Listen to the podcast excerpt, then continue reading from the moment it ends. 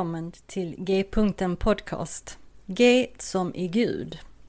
Jag heter Monica Albin och detta är en podcast för oss som är på en resa i tro och liv, i andlighet och allt som har med Gud att göra. Vad nu Gud betyder för oss. En öppen atmosfär där inga frågor och funderingar är dumma och där vi tillsammans ska få vidga vyerna. G-punkten betyder att Gud är mittpunkten, i centrum av samtalen och genomsyrar allt och alla. Och därifrån är vägarna öppna att fortsätta framåt och utforska nya vyer. Samtala de stora frågorna på ett vardagligt sätt hoppas jag att podcasten ska kunna erbjuda. Tack för att du vill vara med på den här resan. Så välkommen på resan mot G-punkten.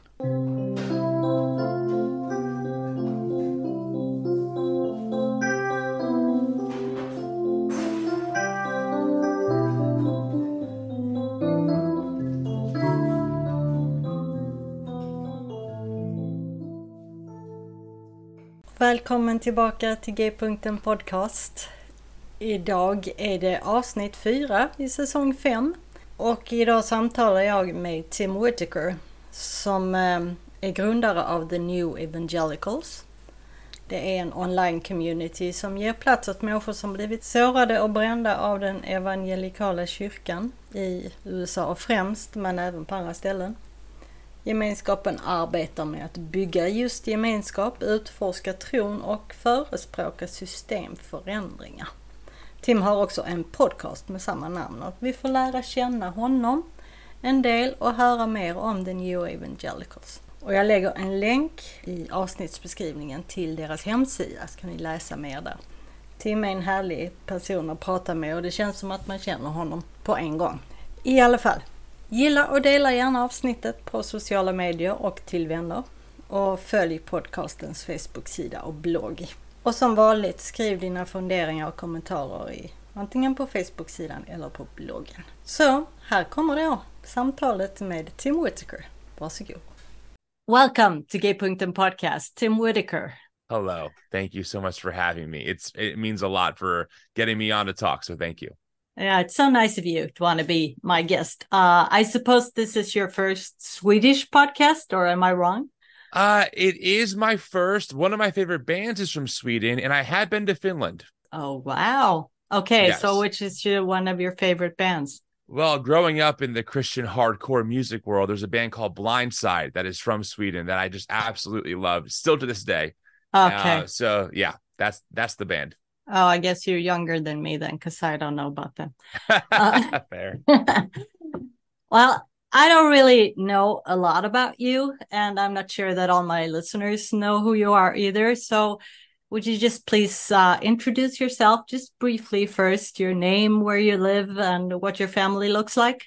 Sure. Yeah. My name is Tim Whitaker. I live in New Jersey. Um, I'm about an uh, hour and a half away from New York City and about 15 minutes away from Philadelphia. So I'm in what they call South Jersey. There's like two different parts of the state that we we all go by: North Jersey, South Jersey. Um, and I have a, a, wife, my partner. She's wonderful, and then I have two uh, kids, both under well, one's three and one's one and a half. So we are okay. in the trenches of just trying to survive, my friend. We're just trying to make it through the day. So these beautiful, but at times taxing children go to sleep and mom and dad can get some time to breathe. uh, oh, I remember those days. but they, they are wonderful and they're really beautiful kids, two boys. And oh, okay. uh, it's it's great to just to be parents for sure. Oh yeah, yeah, sounds great. Well, I actually know you through a Tripp Fuller and Homebrewed uh, Christianity. Oh, very cool. Uh, since uh, you're you're doing you're, you're doing some things together. You're working on some stuff together, you and him. Yeah. Mm-hmm. And so I started listening to your podcast, The New Evangelicals, uh, which I highly recommend. And we're going to talk about that and other things. But first, I'd like to hear your story um, from childhood and on, like your faith journey. What did the faith of your childhood and adolescent look like, and yeah. how and why it changed? So, yeah, Hey, yeah. go for All it. right, here I go. Uh, day Yeah. one. No, I'm just kidding. I will try and give the cliff notes and kind of go through it pretty quickly, and we can unpack whatever part of it you want to unpack. Yeah. Yeah. I, I was um I was born, like I said, in New Jersey. I grew up in a very um Christian fundamentalist household, and that can mean a lot of things to different people. My parents were very loving, very good parents. We have a close relationship to this day. Um, they both got saved, quote unquote, later on in life, and my dad left the rocker lifestyle and kind of went from one extreme to the other and my mom kind of followed suit so i was homeschooled up until ninth grade um I guess the the theology I was introduced to in, in those days was more of like John MacArthur style theology for maybe if your audience knows who he is uh more reformed very calvinistic uh predestination Mhm. you're full of sin kind of vibe.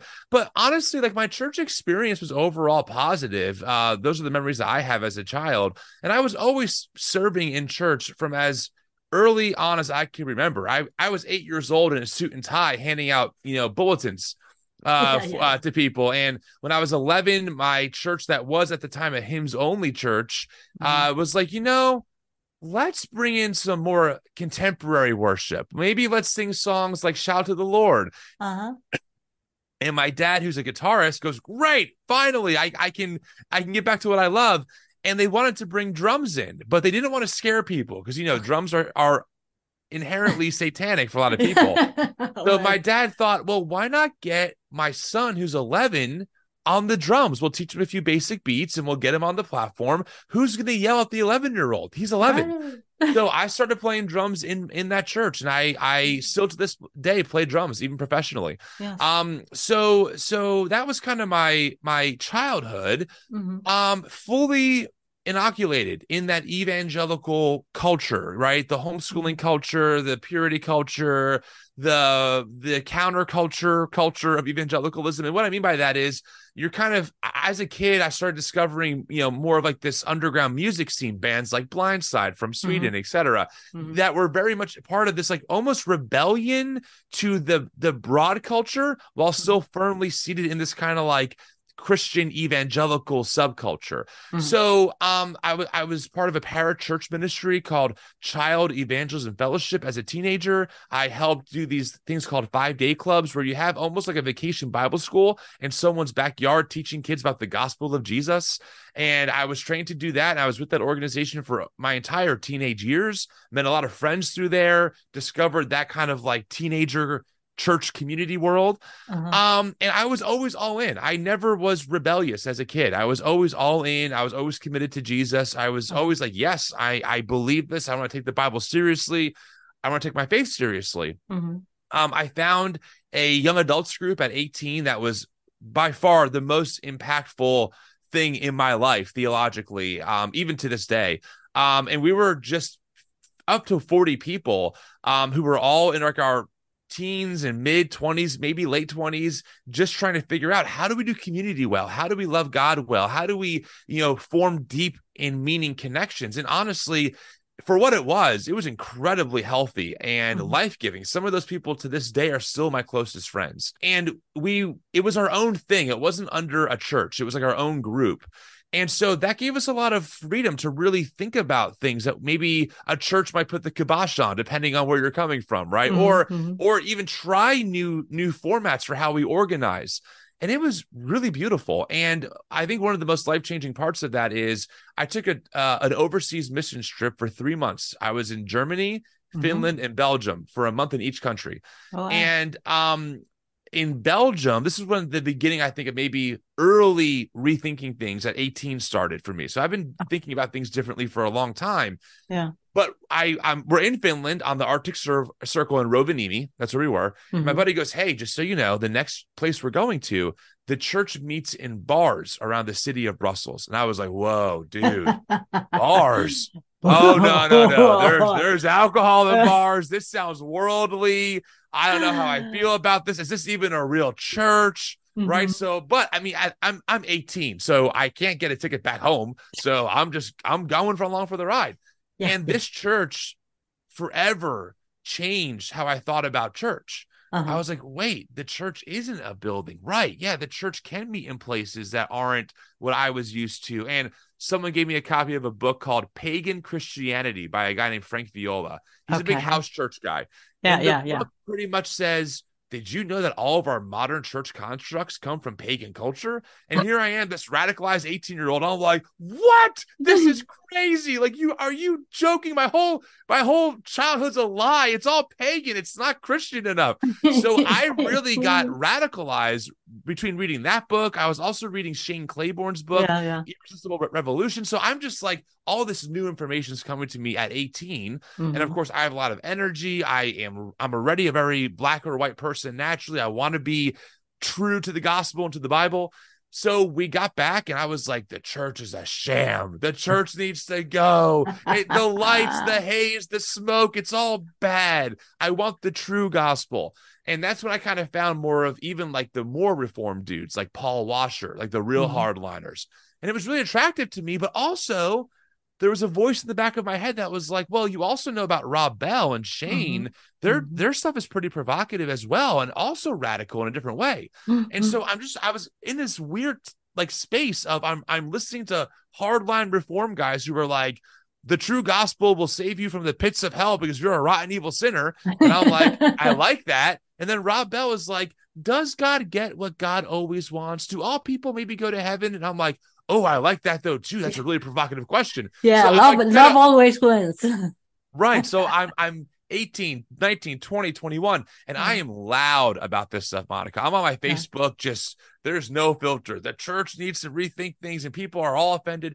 But I was always conservative. I was always, you know, I grew up on talk radio. So, mm-hmm. in the, mm-hmm. you know, I'm not sure of the wideness of your audience, but for people in the States, talk radio is conservative mm-hmm. propaganda, frankly. It's Rush Limbaugh, Sean Hannity. Uh-huh, and I grew okay. up in that world, you know, people just mm-hmm. saying Democrats bad, Republicans good. So I uh-huh. always had those views. And long story short, I'll get to kind of where we are now. You know, in 2016, when Trump came on the scene, mm. I was serving at my my church as a drummer. I was totally all in. I was still rethinking things, but I was kind of coming back around that maybe I was a little too extreme when I was 18. Maybe there's more nuance to things.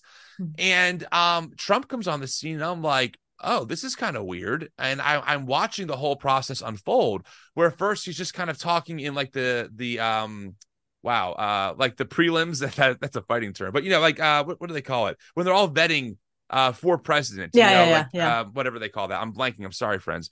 So yeah. I'm watching him talk with like Ted Cruz and Trump, and I'm like, oh, this Trump guy's a joke. Yeah, like he's he's obviously that, that, that that's what the rest of the world thought. Yeah. Too. Okay. Well, yeah, high five, rest of the world. Like I agree. You know, I'm like this guy's a he's a a fucking clown. yeah. That's what I'm thinking, you know? And yeah, I'm watching, you know, again, I'm, I, I voted for Republicans my whole life. So I'm like, oh, mm-hmm. oh, well, this guy might be pretty good. This, mm-hmm. I like this guy.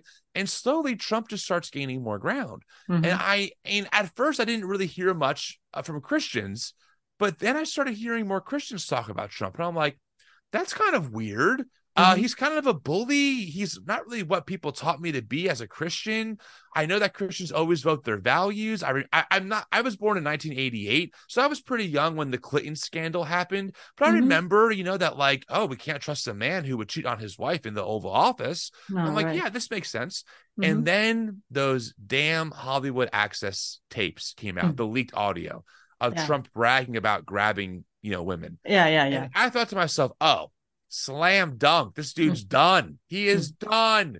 Evangelicals will never support this. Like, I mean, for all of their problems, like something like that is this egregious. Should be a clear black and white moment for me. Mm-hmm. And I even for a minute, I even got giddy. I was like, ooh, maybe we'll form a third party, the evangelical party. I don't know. and then, you know, people come out, well, we need a commander in chief, not a pastor in chief. This is just locker room talk. And I'm like, whoa, wait a second pump the brakes, people. Yeah, yeah. You taught me about purity culture. You taught me how sacred sex was. Mm-hmm. You taught me to save myself for marriage. Mm-hmm. And now you're telling me that if I don't vote for this dude, who's also, by the way, been on the cover of Playboy, bragged about dating his daughter, like gross things. If I don't vote for that guy, I'm the one who's wrong here. Mm-hmm, mm-hmm. And that was the first wake up call for me mm. that something was wrong in my tradition. Yeah. And I stayed in my church actually up until after I started the New Evangelicals. I was still serving. I still had my opinions. My church, we made some room. But Mhm. then Black Lives Matter happened, George Floyd happened, then COVID happened, and the response to that. And that's when I thought to myself, we need a new evangelical movement because this is just totally something is wrong.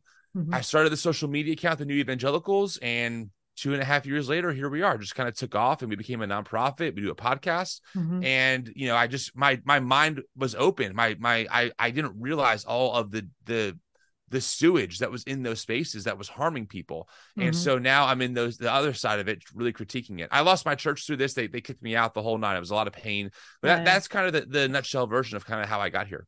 Yeah. Wow. Wow. Yeah. What a journey. Mhm. Um, I'm I'm thinking a, a little about this um this culture of homeschooling Hmm. because you, you you just you don't have that in Sweden. I mean, Yeah. Right. We we we go to school. I mean, there are some private schools, but uh, most people just go to the community schools. Yeah. and uh, it's nothing you. Uh, I mean, you you don't talk about that. So so was it good for you to be homeschooled, or do you think it it was could have been uh, different for you if you weren't?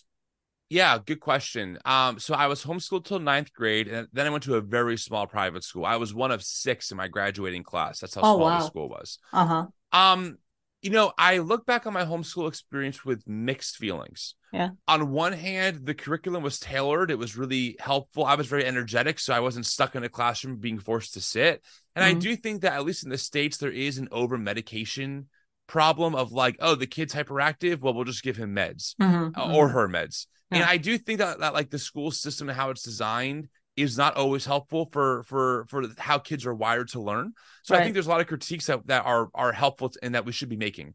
Yeah. Um, and I think homeschooling can solve that if a parent really wants to think about healthy ways of doing that. Mhm. Also, as a musician, my parents built in music into my schedule. So I was playing Wow. every day. And that really made me a very proficient drummer, which again I still do now. So I'm grateful for that. Yeah. I think some of the downsides were the motivations. And again, I don't want to bash my parents. They're great human beings and they were doing the best that they could with the information that they had. Yeah. But they were really scared of like the world influencing me. Mhm, They were yeah, scared of me being exposed to the world. Public schools were indoctrinating me with evolution and stuff. yeah. So I think that part wasn't super helpful.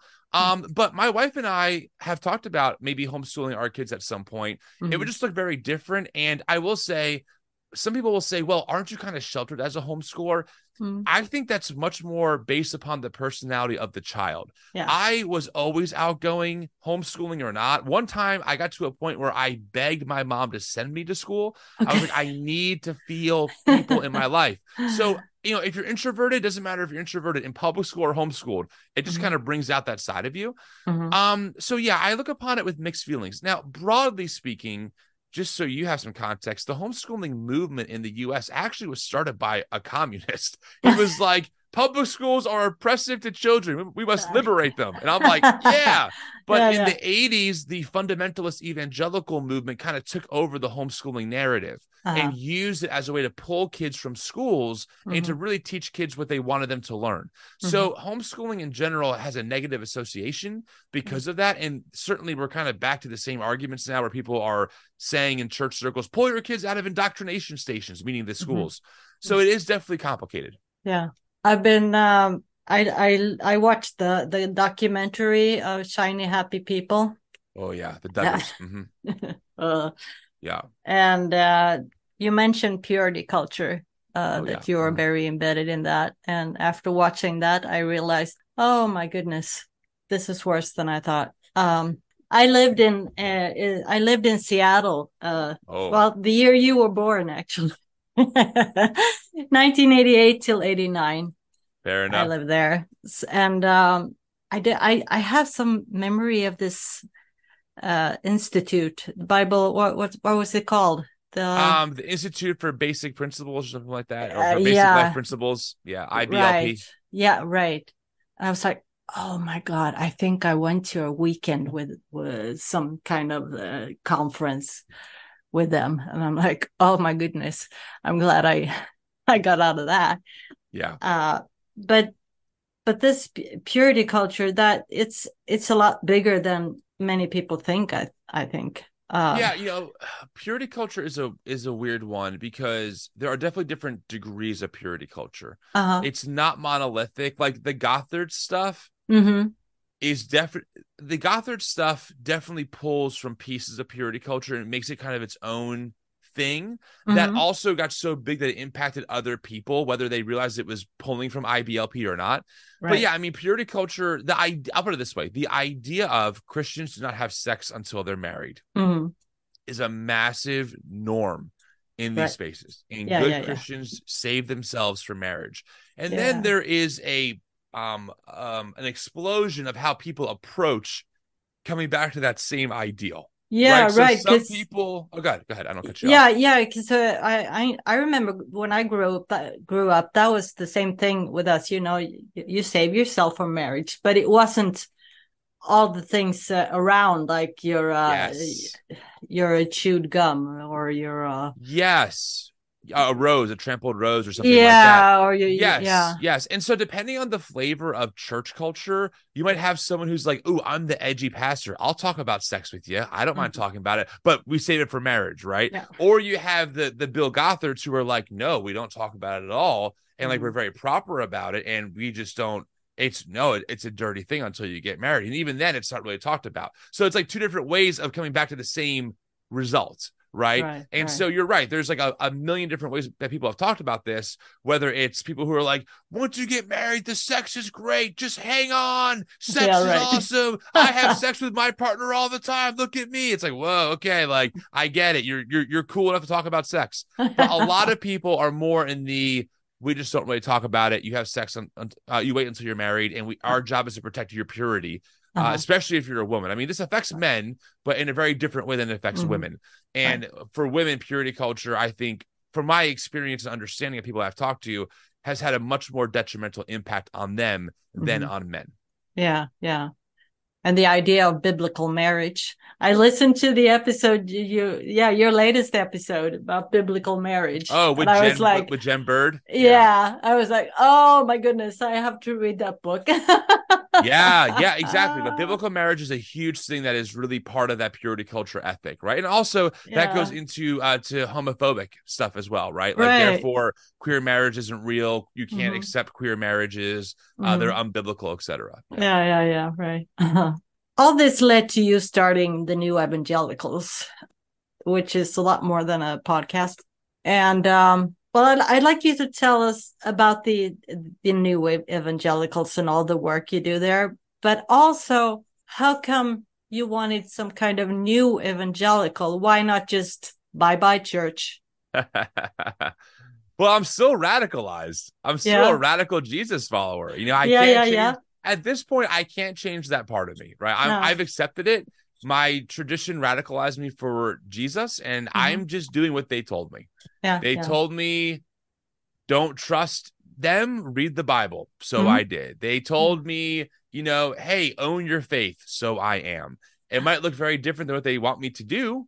Mm-hmm. Um, but I'm just doing what they told me. And yeah. and that's how I see it, right? So for me, even when I was having that quote deconstruction experience, Mm-hmm. It wasn't so much about do I believe in God or not. It was much more about a crisis of theology. What mm-hmm. do I believe about God? Right and and many people let me just say this deconstruction is an explosion and people go in all different directions mm-hmm. and i respect that some people get above ground and run right for the fucking door mm-hmm. and i say i get it get the fresh air you need find a better house you want to exist in i'm mm-hmm. cheering you on we're on the same block i get it for me though i was always had always have been and always will be committed and just kind of enthralled with the Christian tradition in all of the rooms that that I'm now exploring for the first time right? Mm-hmm, mm-hmm. so so for us you know the term new evangelicals when i first started the account i didn't know much about this. I didn't know about deconstruction or decolonization or you know i wasn't yeah. thinking that way. That uh, kind of happened later. So uh, i started uh, thinking we just need to do things better but now the way i phrase it is the word evangelical simply means someone who brings good news and right. I think that evangelicals are not bringing good news anymore. We have to bring some good news back. And I think that mm-hmm. it's a very easy connection to say that's why we're the new evangelicals. Yeah. Yeah. You kind of said to your old kind of church that okay, goodbye. I'm doing this because I'm following Jesus. No, they say goodbye to me. okay, get out of here. I- yeah, I swear. When I I started New Evangelicals in December 2020, I was still serving at my church of six years every Okay. Sunday as a drummer. Okay. And then in April of 2021, the lead pastor sat me down and said, Hey, we love you, but you have a choice to make. Like, do you want to keep doing this work online or do you want to keep volunteering as a drummer with us? Ah, And that's when I made the decision to stop being a drummer at with them and commit to doing. TNE. okay. So, what is TNE?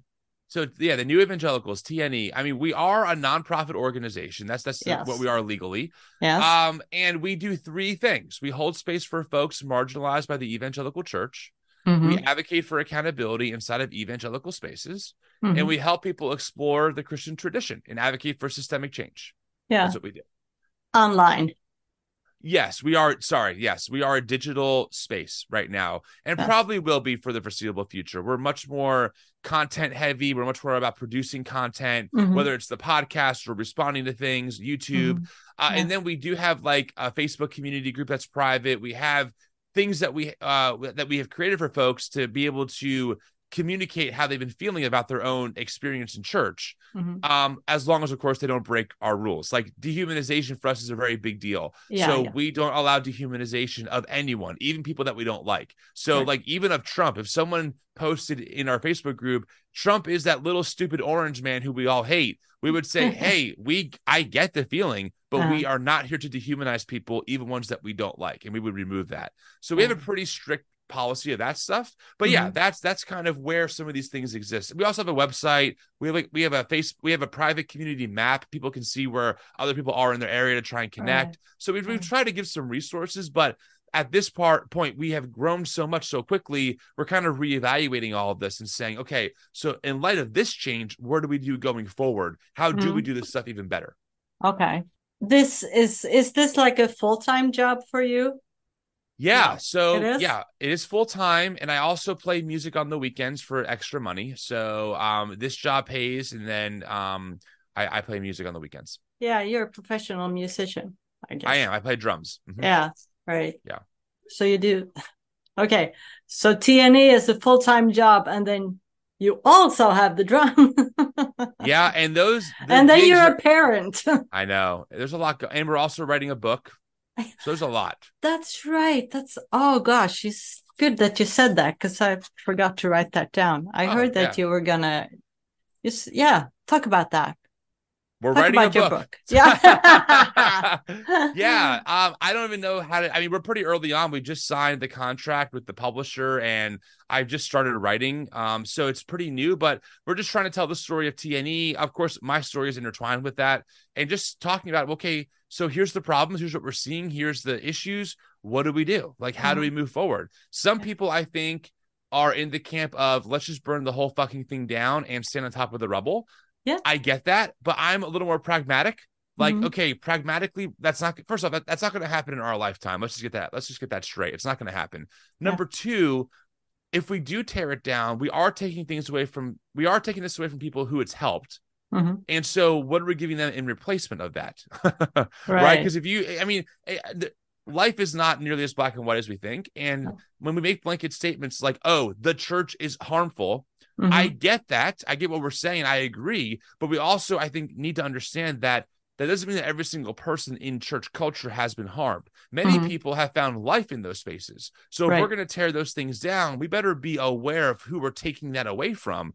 And then Right. what do we do to give either them a better thing or Mhm. help push what's already there in a better direction? And that's very complicated. And people Uh-huh. will land on different sides of that conversation Mhm. some are more on the tear down some are more on the keep the thing i feel like i'm kind of um almost like jekyll and hyde where depending depending on the day i can be in any one of those camps some days i'm like burn the whole fucking thing down it's bullshit other days i'm like no let's sit in a room and contemplate the nuance and the complexity you know Yeah, yeah, so yeah. i go back and forth honestly Yeah, yeah, yeah. Right. So, how long do you think? Uh, when do you think the the book will be published? I think 2025 because we're Okay. trying to skip the election year and not have a book come out during an election that is Yeah, already yeah. shaping up to be incredibly volatile, considering that our own former president has been indicted again Mhm, on a mhm. conspiracy to overthrow the election that he's now trying to run on again. So I don't know how that's all going to shake out, but yeah, I think early 2025 the book will drop is my best estimation. Okay. Last year, last fall, you went to uh, North Carolina to uh, attend theology beer camp for the Yeah, first time. Yeah, I and I, did. I guess that went very well because this year you're a part of the organizing team. I understand. Yeah, so I wouldn't. I mean, it's tough. Okay, yeah. So last year went really well. It was my first, I met Tripp through a, our podcast. I had him on. I had, him on my podcast. We kind of hit Mhm. it off. Mhm. So we've we've kept in touch over the year, past couple of years. Beer camp was a lot of fun. Uh, it was great meeting people from our community, people from other communities, meeting podcasters that I talk about all the time, meeting theologians that I look up to. You're just kind of like, whoa, there's Pete Enns. I'm like, oh my god, Pete, Yeah. you know. So, like. Uh, totally. It, it is funny, like what you see as like um a celebrity as you deconstruct and shift. You know, like if Mm-hmm. I meet, if I met someone like I don't know, some worship deal, hey, that's cool, man. But Pete Enns, oh my god, it's Pete Enns. I Um, and so this year, Tripp asked me to help think through. Hey, you know, he, Tripp told me that he wants people who are maybe are more in my spaces to consider Mhm. coming out to beer camp. So how can I maybe give some input on on like um on people or podcasts to invite? Obviously, Tripp has the final say in all that. I don't control the lineup or the podcasters, but I've had a little more input on the back end of just like, hey, maybe this podcast could be good. Maybe this person could be good, you know, um, along with with several others. There's kind of a team of people that have been helping out. So that's been Yeah. a lot of fun. Yeah. So just uh, tell us a little more, more about what's going to happen this year at Theology Beer Camp. I well, I think from what I know, uh, it's pretty much like last year in the sense of it's very the thing. The thing about last year's beer camp that really impressed me was how lax it was. It Mhm. was so casual. It wasn't like everyone was in every single session. I would routinely skip main sessions because I was too busy in the hallway talking to Tom Oord or you know one of my people that I met in Yeah. community. Right? I'm like, why would I go see that person speak when I'm talking to this person? Right? right, right. So I think it's it's that kind of vibe where it's a lot of breakouts. It's a lot of you know you, you can attend any podcast interviewing someone at any time and just kind of sit in Mhm. the room and hear people. But I think the main draw for beer camp for me is that you get to meet people who you talk to digitally in real life.